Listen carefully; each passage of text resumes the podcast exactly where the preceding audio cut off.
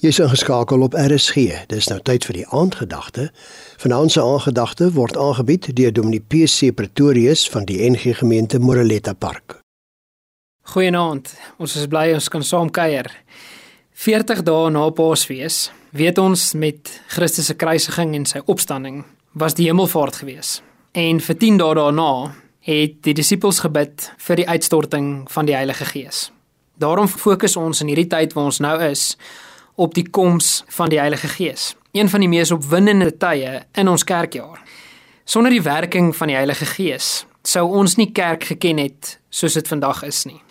Die uitstorting van die Heilige Gees was deur God beplan om die gelowiges toe te rus vir die roeping of taak wat ons op aarde moet verrig. Daarom is dit belangrik om te besef dat ons ook in verhouding staan met die derde persoon van die drie-eenheid, die Heilige Gees.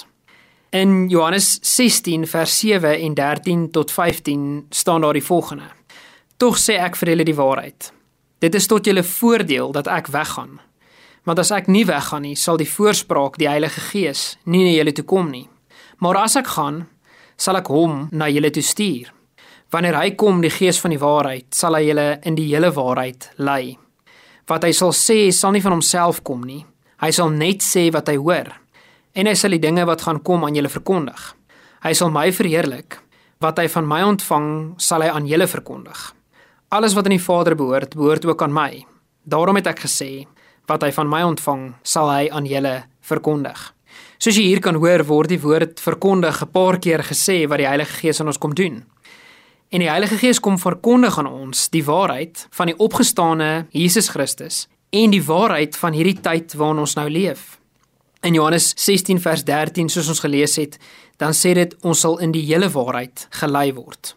Ongelukkig is daar baie mense wat die Heilige Gees bloot as 'n hemelse krag of invloed beskou.